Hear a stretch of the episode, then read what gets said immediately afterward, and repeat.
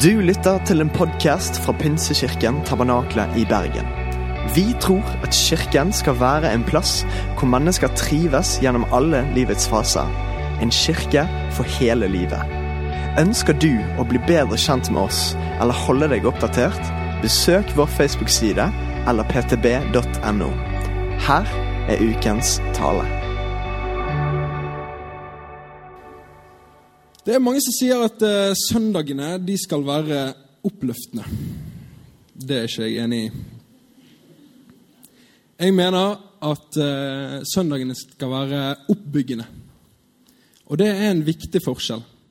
Fordi at det er ikke meningen at du skal hver eneste uke løpe ut i mandagen din som en eller annen Petter Stordalen. Eh, men at du skal kanskje noen søndager komme hit og få noen sannheter om livet ditt og rive ned noen mønstre og bygge de opp igjen eh, i ditt eget liv. Sånn at man blir oppbygget av den søndagen, men ikke nødvendigvis oppløftet. Og så er det mange som eh, merker at dette begynner å bli litt sånn eh, vanlig kost når jeg står her med en mikrofon. At der kommer han igjen som skal rive ned og bygge opp igjen. Men det mener jeg virkelig at vi kan ikke Vi kan ikke bare fide en eller annen tanke om at eh, alt i livet er akkurat som det skal være, og så bare gå gjennom eh, hverdagen på den måten. Men eh, noen ting trenger å rives ned og bygges opp igjen. Og det er mitt håp for mine kommende 76 år. Jeg skal bli 100 og ikke mer enn det. Så hvis dere ser meg som 101-åring, så vet dere at jeg er litt bitter. Um, men det er planen min resten av mine år at eh, jeg skal komme til kirken hver eneste søndag for å åpne meg for at jeg kan forandre mitt liv. Um, og få noe revet ned og noe bygget opp igjen. Så jeg håper du er um, klar for det. Jeg er ikke her for å pjuske deg på kristenarmen din. Uh, jeg er ikke forkynnelsens Kjell Simen. Bare så dere vet det. Det krever altså at du følger litt med i populærkultur hvis du skal følge med på alle referanser. Det må Du bare Du må kunne bitte litt bibel, så må du kunne litt populærkultur. Det er greit. Du, nå må vi nesten bare sette i gang. Eh, det er ikke nødvendigvis sånn at jeg har lyst til å si det jeg skal si. Men jeg vil si det jeg skal si. Og det er en eh, ganske viktig forskjell mellom vilje og lyst.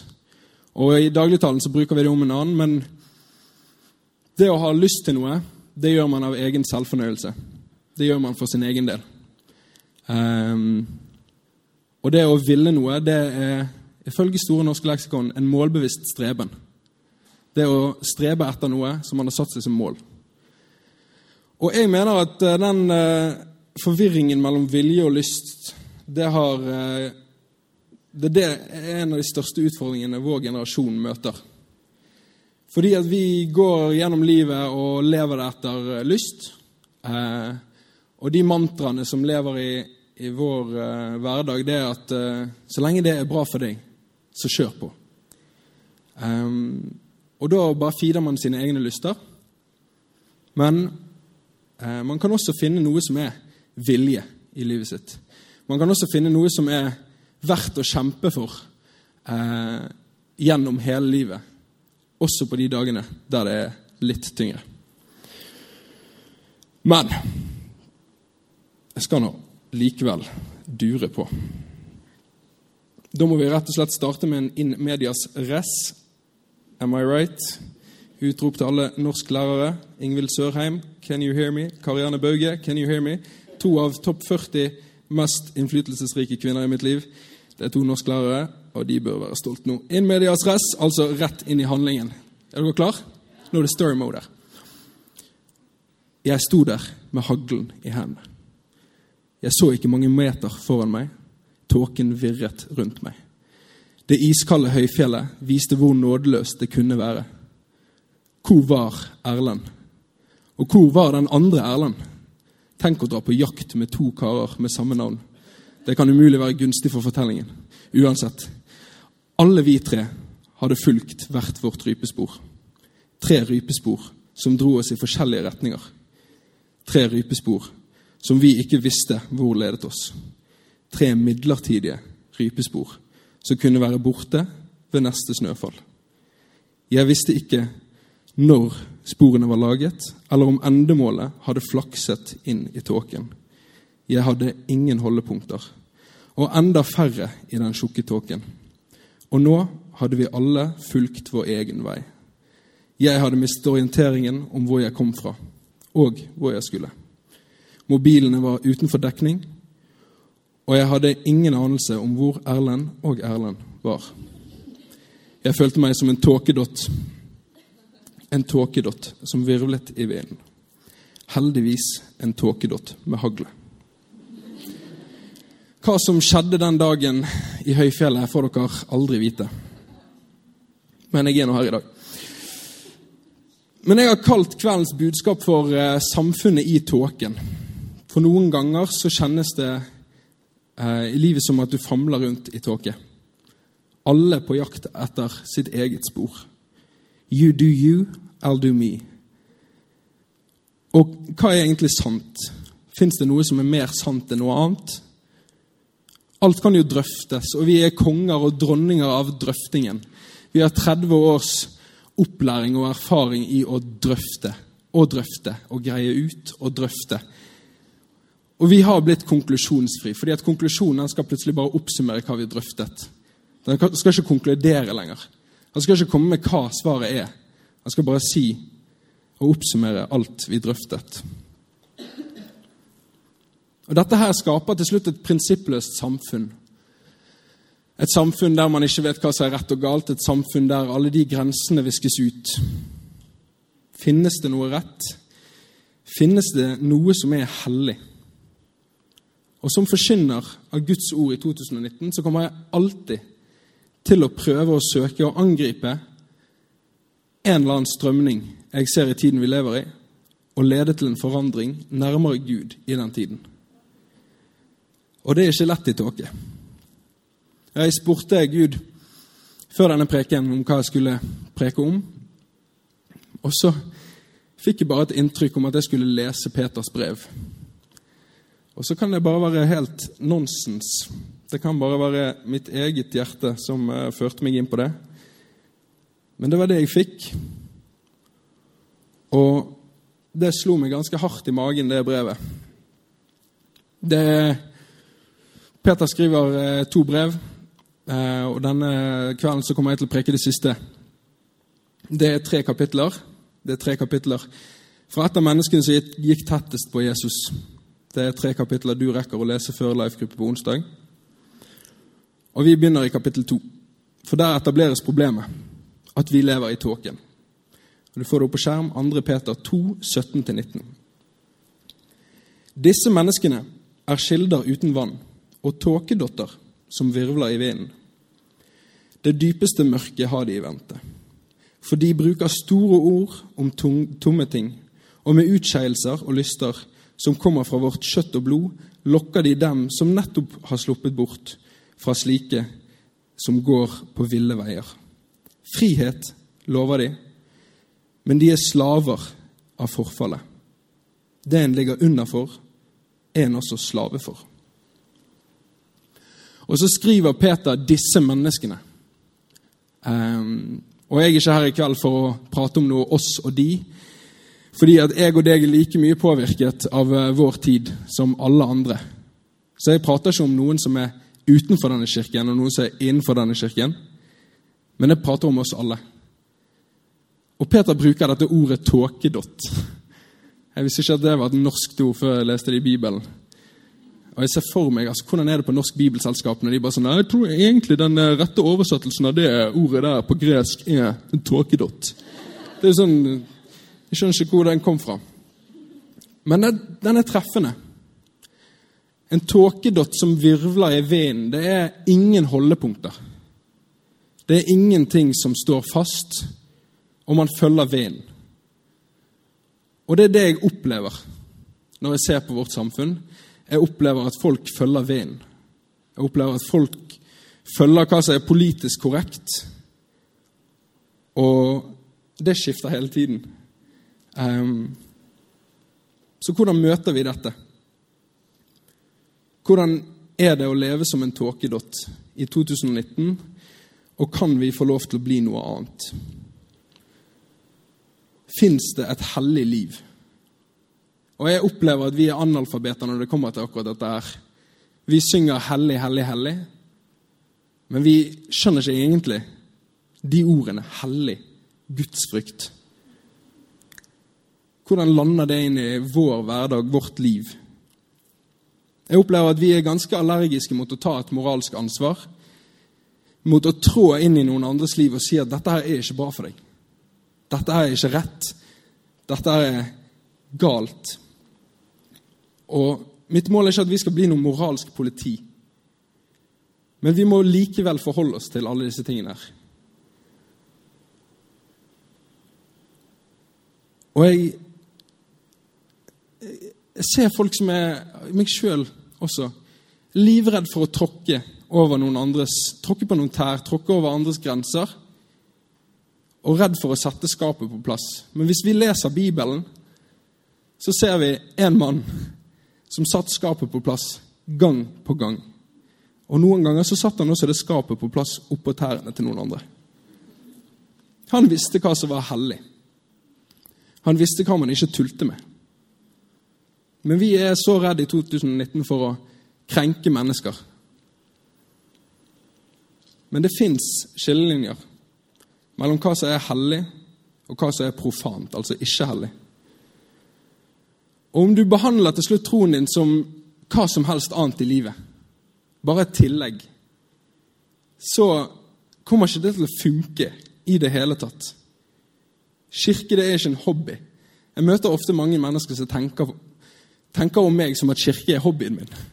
Det er som deres volleyball eller deres curling. Det er liksom, det er ingen som har curling som hobby. Men, eh, men det er ikke noen hobby. Og troen det er den største bærebjelken for ditt liv.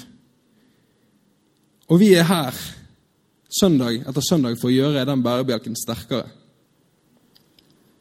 Og Bibelen presenterer ikke bare liksom en verdslig add-on eller et eller annet du kan ta til deg. Og Dette budskapet er ikke bare sånn Ja, jeg er det og det og det, og det, og så er jeg kristen. Du er kristen som grunnlaget i hele livet ditt. Og det er troen som bærer det. Og hvis du har valgt å følge Jesus, så har du blitt en av de hellige. Det ser man gang på gang i Bibelen. Men hva har det å si? Det utfordrer deg til å leve et annerledes liv. Det utfordrer deg til å leve et hellig liv. La meg eh, bruke et bilde om hva som kan være hellig. I eh, min familie To sek. I min slekt så er tinemelk hellig. Min mor hun er oppvokst på gård. Det er en gård som produserer for Tine. Eh, og den eies nå av min onkel, som produserer for Tine. Og når man produserer for Tine, så produserer man ikke for ku. Man produserer kumelk, men ikke for ku. Men det er liksom Det er synd å drikke noe annet i min slekt. Jeg husker en gang jeg var hjemme hos mormor og morfar. Og så eh, kommer onkel fra Fjosen, fjøset for byfolk, eh, og eh, kommer inn og så ser at mormor har satt fram en kremfløteboks fra kumeieriene på bordet. Og Så så han bare på den, så så han bort på mormor, så sa han den der er borte når jeg kommer tilbake. Og så går han ut av døren og står utenfor i 30 sekunder. Og så kommer han inn igjen, og da er den borte. Fordi det er sånne ting man ikke tuller med. Og Jeg var på fredagstaco på besøk hos eh, min forlovede Andrea Misje på fredag. Og der sto det en rømme fra kumeieriene på bordet. Og hun, hun vet godt at det er no go. Hun vet godt at hun kan ikke kjøpe det inn. Fordi at, Da vet hun at den flyr fem etasjer fra den leiligheten i den blokken. Men dette har jo eh, venninnen Irmelin som hadde dratt med seg inn og ikke var villig til å ta med seg tilbake. Så da spiste jeg taco uten rømme. Noen ting er hellige. Det er ikke noe synd i henne. Hvis du har lyst til å komme bort til meg etterpå og argumentere for hvorfor kumeieriet er bra, sånn, så eh, kommer jeg til å lytte til deg. Og så kommer jeg til å eh, verne om min sjel for hva som er hellig og ikke. Ok, Men nå må jeg faktisk tilbake igjen til å forsyne Guds ord, og ikke eh, med reklame for Tine. Dere betaler meg seinere. Ok. Hvilke ting i ditt liv er det som er hellig? Hvilke ting er det folk ikke får lov til å røre borti eller tulle med? Hva er det du liksom setter grensen med? Dette kan du tulle med, dette kan du ikke tulle med. Og Peter han skriver om et samfunn som latterliggjør Gud. Som spotter Gud. Og jeg syns det treffer rimelig greit på vårt samfunn. Når jeg var liten, så var det veldig uvanlig at folk bannet på TV. Men det enser jeg ikke lenger. Nå banner eh, folk på TV ganske ofte, og det går meg hus forbi. Og Så fins det komikere og kronikkforfattere og kolleger som latterliggjør Gud og latterliggjør det å ha en gudstro. Og jeg sier ikke disse tingene for å være bitter og ønske meg tilbake igjen til 90-tallet. På ingen måte. Chokers og hele greien. Det funker ikke. Eh, men jeg kommer til å peke på ting i den tiden jeg lever i, og prøve å finne ut hvordan jeg møter det med min gudstro, og hvordan Gud får innpass i mitt liv. Så ikke hør meg som en eller annen samfunnskritisk stemme som liksom har lyst til å barrikadere seg i kirken. På ingen måte. Jeg sier bare at dette er eh, ting vi må deale med i det daglige. Dette er ikke en kamp mellom oss og de. Det er en kamp som er oss mot oss. Det er å ransake seg sjøl for å finne ut hvor min sjel fører mitt liv. Hvilket spor jeg følger. Og jeg sier ikke at ting var bedre før, men jeg prøver å se tydelig i tåken. For la meg zoome litt ut. I vår nasjons historie så har vi hatt noe som heter blasfemiloven, og den ble opphevet i 2015. Um, den var, det var en som ble tiltalt for, uh, med grunnlag på den loven i 1933. og har ikke, Ingen har blitt domfelt under den loven på 100 år. Um, men uh, blasfemiloven den hadde dette formålet. Det kommer opp. Formålet med straffebestemmelsen var å verne om den frie trosutøvelsen, den enkeltes religiøse følelse og en religions grunnleggende forestilling om det som er hellig. Det var altså ikke Gud som skulle vernes med politi og jordisk straff, men menneskelige religiøse autoriteter. Ja, det er jo Jeg bowlet ut uh, den setningen. Det var altså ikke Gud som skulle vernes. Han trenger inget vern. Uh, og hvis Norges stat tror de kan gi han det, så tar de feil. Men det finnes altså ingenting lenger som kommer til å verne om din religiøse følelse eller din tro. Så det må vi finne ut hvordan vi skal gjøre sjøl. Og du har det ansvaret, hvis du har en tro, om å finne ut hva som er hellig i ditt liv. Finn ut hva man ikke tuller med. Eh, og sette de, sette de linjene sjøl. Det er ikke lenger et lovverk som kommer til å gjøre det. Og så står du kanskje alene og føler deg som en tåkedott som virvler i vinden. Men du trenger å bygge et vern rundt din tro. Eh, og jeg ser på det som at du er et skip, og jeg er et skip. Og vi må finne noen fortøyninger. En tåkedott har ingen fortøyninger. Du har kanskje lagt til i Frelsens trygge havn men der kan du ligge uten fortøyninger. Men jeg tror det er klokt av oss å finne noen fortøyninger, noen ting som er hellig. Noen ting vi løfter høyere enn andre ting. Noen ting som man kan drøfte, ja, men som man konkluderer med. Noen hellige bestemmelser som holder deg trygt fortøyd. Noen ganger så er det ganske rolig i Frelsens trygge havn, og det er ikke så mye vær. Og da går det som regel greit. Men været det skjer like mye i Frelsens trygge havn som utenfor. Og det treffer livet ditt. Og da er det noen undervannsstrømninger som tar tak i baugen, og så begynner det å knirke litt i treverket.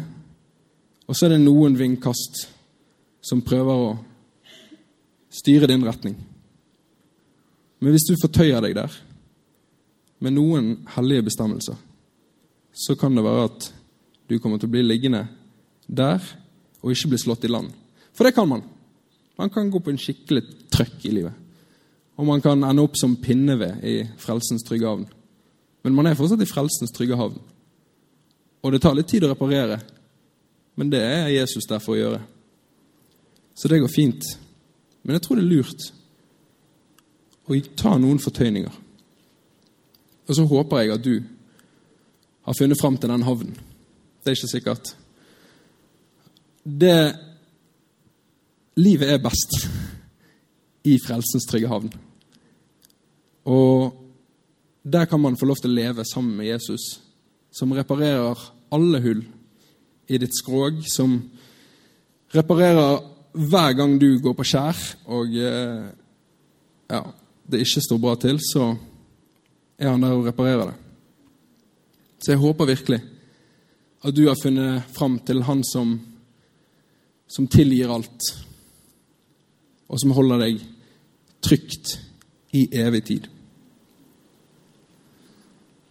Og så tror jeg at fortøyningen den består av to ting. Den består av en holdning og et holdepunkt. Og Peters brev, de, der, eh, der forklares mennesker som uten holdepunkt. Man kan se på holdningen som tauet og så er holdepunktet det, det man fester tauet i. Og jeg opplever at det er ganske lett å være et menneske med veldig sterke holdninger, men veldig lite holdepunkt. Med veldig svakt argumentgrunnlag for det man har å si, men man skriker det likevel veldig høyt. Og etter min mening så opplevde vi det eh, på Slottsplassen denne uken, med ny regjering. Eh, så var det en gjeng som kledde, kledde seg ut eh, som noen fra Handmaid's Tale.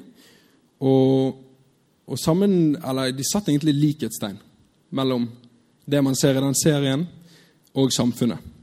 Og Jeg skal ikke gå i dybden på det, men, eh, men det er ikke gode argumenter for å gjøre det. Men man skriker likevel veldig høyt. Og så opplever jeg det når jeg sitter i en filosofiforelesning, og eh, filosofiprofessoren latterliggjør det å ha en, en gudstro. Eh, og så grunnlegger han det på dårligere argumenter for ateisme enn det jeg kan komme opp med. Det er på en måte sånn, Jeg, hadde litt lyst til å gå bort til han og si sånn Hvis du trenger litt hjelp på de argumentene, så burde du lese litt av han her. Eh, men jeg gjorde ikke det, da, for jeg kjempa jo den andre sak. Men, men, men det er store holdninger, og så er det veldig svake holdepunkt. Og jeg ber om at vi skal være mennesker med sterke holdepunkt som vet akkurat hvor vi skal fortøye oss, og som ser de fortøyningene tydelig. Men de er ikke lett å finne i tåken. Og de er ikke lett å finne når alt kan drøftes, og verden virker konklusjonsfri. Men vi kan finne de, og så spør vi oss hvordan, og når vi stiller oss et hvordan-spørsmål, så går vi til boken. Det er der du finner svaret. Selv om du har en milliard svar i lommen din, så går du til boken. Ok, 2. Peter 1.3-5. Ja, alt vi trenger for å leve i Guds frykt, har Hans guddommelige makt gitt oss i gave, ved at vi kjenner Ham som kalte oss ved sin egen herlighet og makt. Slik har vi fått de største og mest dyrebare løfter. Ved dem skulle dere få del i, guddommelig natur når dere har sluppet unna forfallet, som kommer fra lystne i verden. Sett derfor all deres iver inn på å la troen føyes sammen med et rett liv, og det rette livet med innsikt. Og så videre i vers 8 og 9. For dersom alt dette finnes hos dere og får vokse, da vil dere ikke være uvirksomme og uten frukt, dere som kjenner vår Herre Jesus Kristus. Men den som mangler dette, er nærsynt, ja, blind, og har glemt at han har blitt renset for sine tidligere synder. Og Ser dere hva Bibelen sier om dette? Bibelen fordrer at vi trenger et syn, vi trenger innsikt. Og hvis vi ikke har disse tingene, så blir vi nærsynt, ja, blind. Og vi trenger dette for å finne vei i tåken. Vi trenger syn. Og i Birdbox så handler det om å ikke ha syn, men i det ekte liv så handler det om å se klart i tåken eh, og komme seg gjennom det på den måten. Så mitt spørsmål er hvordan ser vi klart i tåken? Eh, og mitt svar Jeg svarer meg sjøl mye i dag, siden vi ikke sitter i en sånn samtalesetting. Håper det går greit. Hvis du skal finne de rette fortøyningene, så ser du ikke ned. Og når jeg sier ned, så mener jeg til den. Og du har kanskje skjermtid på din iPhone, og det er et hardt liv å leve med skjermtid. Det var sånn, Kan jeg gå tilbake igjen på oppdateringer? Kan jeg liksom kutte ut den oppdateringen med skjermtid? Men vet du hva, jeg ser et samfunn som er stadig mer påkoblet, men der mennesker føler seg stadig mer frakoblet. Jeg ser et samfunn der folk har veldig mange svar i lommen, men veldig få svar i hjertet. Og vi har mobilene for at vi skal bli mer sammenvevd, men flere og flere føler seg ensomme. Og i denne opplysningens tid så ser vi mange mennesker, meg inkludert, som famler rundt i mørket noen ganger. Så jeg tror ikke man finner svarene der. Jeg tror ikke man finner finner det hellige livet ved å se ned. Hvis du skal finne de rette fortøyningene, ser du ikke bakover. Det var en gang en person, vet ikke hvem det er, har ikke funnet ut, har prøvd å finne ut, vet ikke hvem som sa det, som sa dette. Et menneske som ikke har syn for fremtiden, vil returnere til sin egen fortid. Bibelen sier i årspråkene 29,18.: Uten åpenbaring blir folket ustyrlig. Salig er den som holder loven. Det som snakkes om her, er at hvis vi ikke ser framover, så kommer vi til å returnere til det livet som ligger bak oss. Uten syn, hvis du står i tåken, så returnerer du til det hva enn som er trygt, som føles trygt, for din egen del, dine egne lyster. Så ikke se ned, og ikke se bak. Hvis du skal finne de rette fortøyningene, ser du ikke rundt deg. Og det er to ting med sammenligning som er skikkelig, skikkelig nedbrytende. Det ene er sammenligningen der man ser på menneskene rundt seg, og så finner man ut Ok, hvordan er det de andre ligger an? Så ligger jeg med der. Hvis man ser framover, så kommer man ikke til å ense hvordan alle andre ligger an, og innfinne seg etter et eller annet status quo som er middelmådig. Men man kommer til å jakte en pris der framme. Og så er det en annen ting med sammenligning som er helt forferdelig. Og det er fordømmelse. Det er hvis du blir et menneske som har kartlagt greit hva det vil si å leve et hellig liv, og så bare dure løs på andre. Det er ikke det Jesus driver med. Jeg lanserer uttrykket bjelkesyn fra Matteus 7. Der sier Jesus.: Hvorfor ser du flisen i din brors øye, men bjelken i ditt eget øye legger du ikke merke til? Eller hvordan kan du si til din bror, la meg ta flisen ut av øyet ditt, når det er en bjelke i ditt eget. Din hykler, ta først bjelken ut av ditt eget øye. Da kommer du til å se klart til å hjelpe andre. Da kommer du til å se klart nok til å ta flisen ut av øyet til din bror. Altså det, det er vanskelig å se med to bjelker stikkende ut. Det skjønner jo du òg.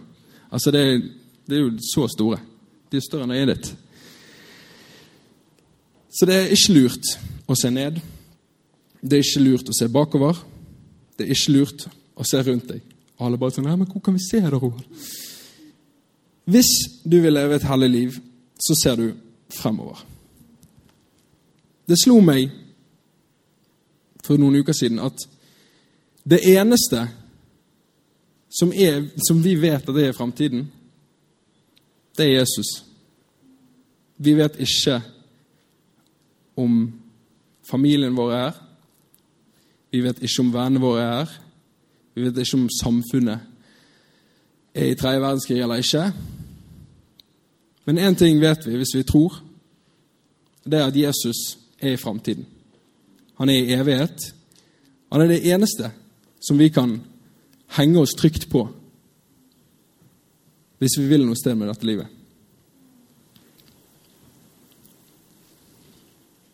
Og Det er derfor vi bruker årets første søndag i kirken som en visjonssøndag. På å peke framover. Fordi at hvis ikke, så fortsetter vi bare med våre gamle vaner. Da vender vi oss tilbake igjen. Og Det samme gjelder for ditt liv. Hvis du ikke planlegger en bedre morgendag, så kommer den til å bli like middelmådig som din gårsdag. Og hvis du ikke planlegger å se fram til Jesus for å vite hva du skal med livet ditt, så kommer din egen historie bare til å repetere seg sjøl. Du kommer til å falle tilbake til gamle vaner. Og det, det kommer ikke til å være vekst. Og så er det ett poeng til med å se framover. Det er prøvelser. Det er en ting vi ikke snakker så mye om, men det er en ting Bibelen snakker veldig mye om. For det er veldig usexy å si til eh, vår generasjon at det kommer prøvelser, og at du skal takke Herren for at du får lov til å stå i prøvelser og lidelse. Det selger veldig dårlig. Men jeg er redd for at hvis vi ikke er forberedt på at noe kommer jeg vet, jeg vet ikke hva dette kommer til å være. Jeg opplever prøvelser hele tiden. Hver eneste dag opplever jeg prøvelser. Ting som setter meg på prøve. Og Det trenger ikke være liksom sånn at noen kommer til å løpe etter deg og skal ta deg for troen din. Men hvis du ikke er forberedt for at livet kommer, for at været kommer, også i frelsens trygge havn, så kommer det til å bukke under. Du kommer til å bli slått i land. Og hvis du klarer å ta knebøy 80 kg på ryggen, så er det vel og bra, men hvis noen hadde bare lagt 80 kg på ryggen din uten at du hadde sett det komme, så knekker du. Så å se framover, det handler om å klargjøre seg sjøl for hva enn som ligger der framme. Vi vet at Jesus er der, men vi må klargjøre oss sjøl. Vi må knytte noen hellige bestemmelser og fortøye oss til når uværet kommer. Og Det kan være at du vet hva dine fortøyninger er, og det kan være at du aldri har tenkt på det før. Men uansett så må du beskytte ditt syn i tåken. Uansett så må du prøve å se framover hver eneste dag. Og det tredje kapittelet i Peters brev, Peters andre brev, det handler om den tiden når all tåke forsvinner. Det handler om den tiden når Jesus kommer tilbake og har gjort i stand verdens beste liv. Bare godhet. Og vi skal få oppleve den tiden sammen. Men i mellomtiden så handler det om å knytte de rette fortøyningene og leve et hellig liv. Og i 3.17 så skriver han Nå vet dere dette på forhånd, mine kjære. Vær derfor på vakt, så dere ikke lar dere rive med og bli ført vill av mennesker uten holdepunkt og mister fotfeste. Dette er ikke noe samfunnsfiendtlig budskap. Dette er et positivt budskap men også realistisk. Jeg håper det bygger opp. Og Det er ikke samfunnsfiendtlig, fordi det spiller ingen rolle hvilket samfunn du lever i. Du kan uansett tjene Gud i det. Det spiller ingen rolle hvordan dine omstendigheter er. Du kan uansett tjene Gud i det hvis du har et klart syn. Og jeg har ikke sagt så veldig mye om hvordan i dag. Og det er på grunn av at jeg ikke har lyst til å gi deg noe ferdig fordøyd. noe som du bare får liksom Syv enkle steg. Ting du må putte inn i din uke for at ditt liv leves som et hellig liv. Fordi jeg tror at vi må prøve å se fram. Jeg tror at vi må prøve å leite i tåken. Og det må vi gjøre som enkeltpersoner og som fellesskap. Dette er ikke bare en liste med punkter jeg kan gi dere, og så blir alt vel og bra. Men dette er livet med Jesus, som leves hver eneste dag. Og det er et annerledes liv.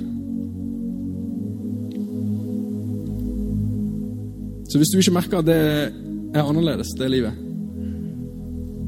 så kan det være eh, greit å prøve å finne ut hvilke fortøyninger som kommer til å gjøre det livet til, et annerledes liv. Kjære gode Gud, jeg ber deg om at vi skal leve hellige liv for deg, herfor. Jeg ber deg om at vi skal legge ned hver eneste dag for deg. Jeg takker deg for at vi får lov til å leve med deg. Jeg takker deg for at du har vist oss frelsens trygge havn, og så ber jeg deg om at du skal vise alle mennesker den havnen. Alle mennesker det livet som vi får lov til å ta del i med deg, erfar. Jeg takker deg for at du er i framtiden. Jeg takker deg for at uansett våre omstendigheter, så kan vi pushe på og gi livet vårt til deg på nytt og på nytt, dag for dag. Og finne ut hva det vil si å leve et hellig og gudfryktig liv for deg, erfar. Der du er kongen og ikke oss sjøl. Jeg ber om at vi skal bytte ut oss sjøl på tronen med deg, erfar. Jeg ber om at din vilje skal stå over våre lyster. Jeg ber om at din vilje skal føre oss inn til en så mye bedre morgendag, erfar. En tåkefri morgendag. Amen.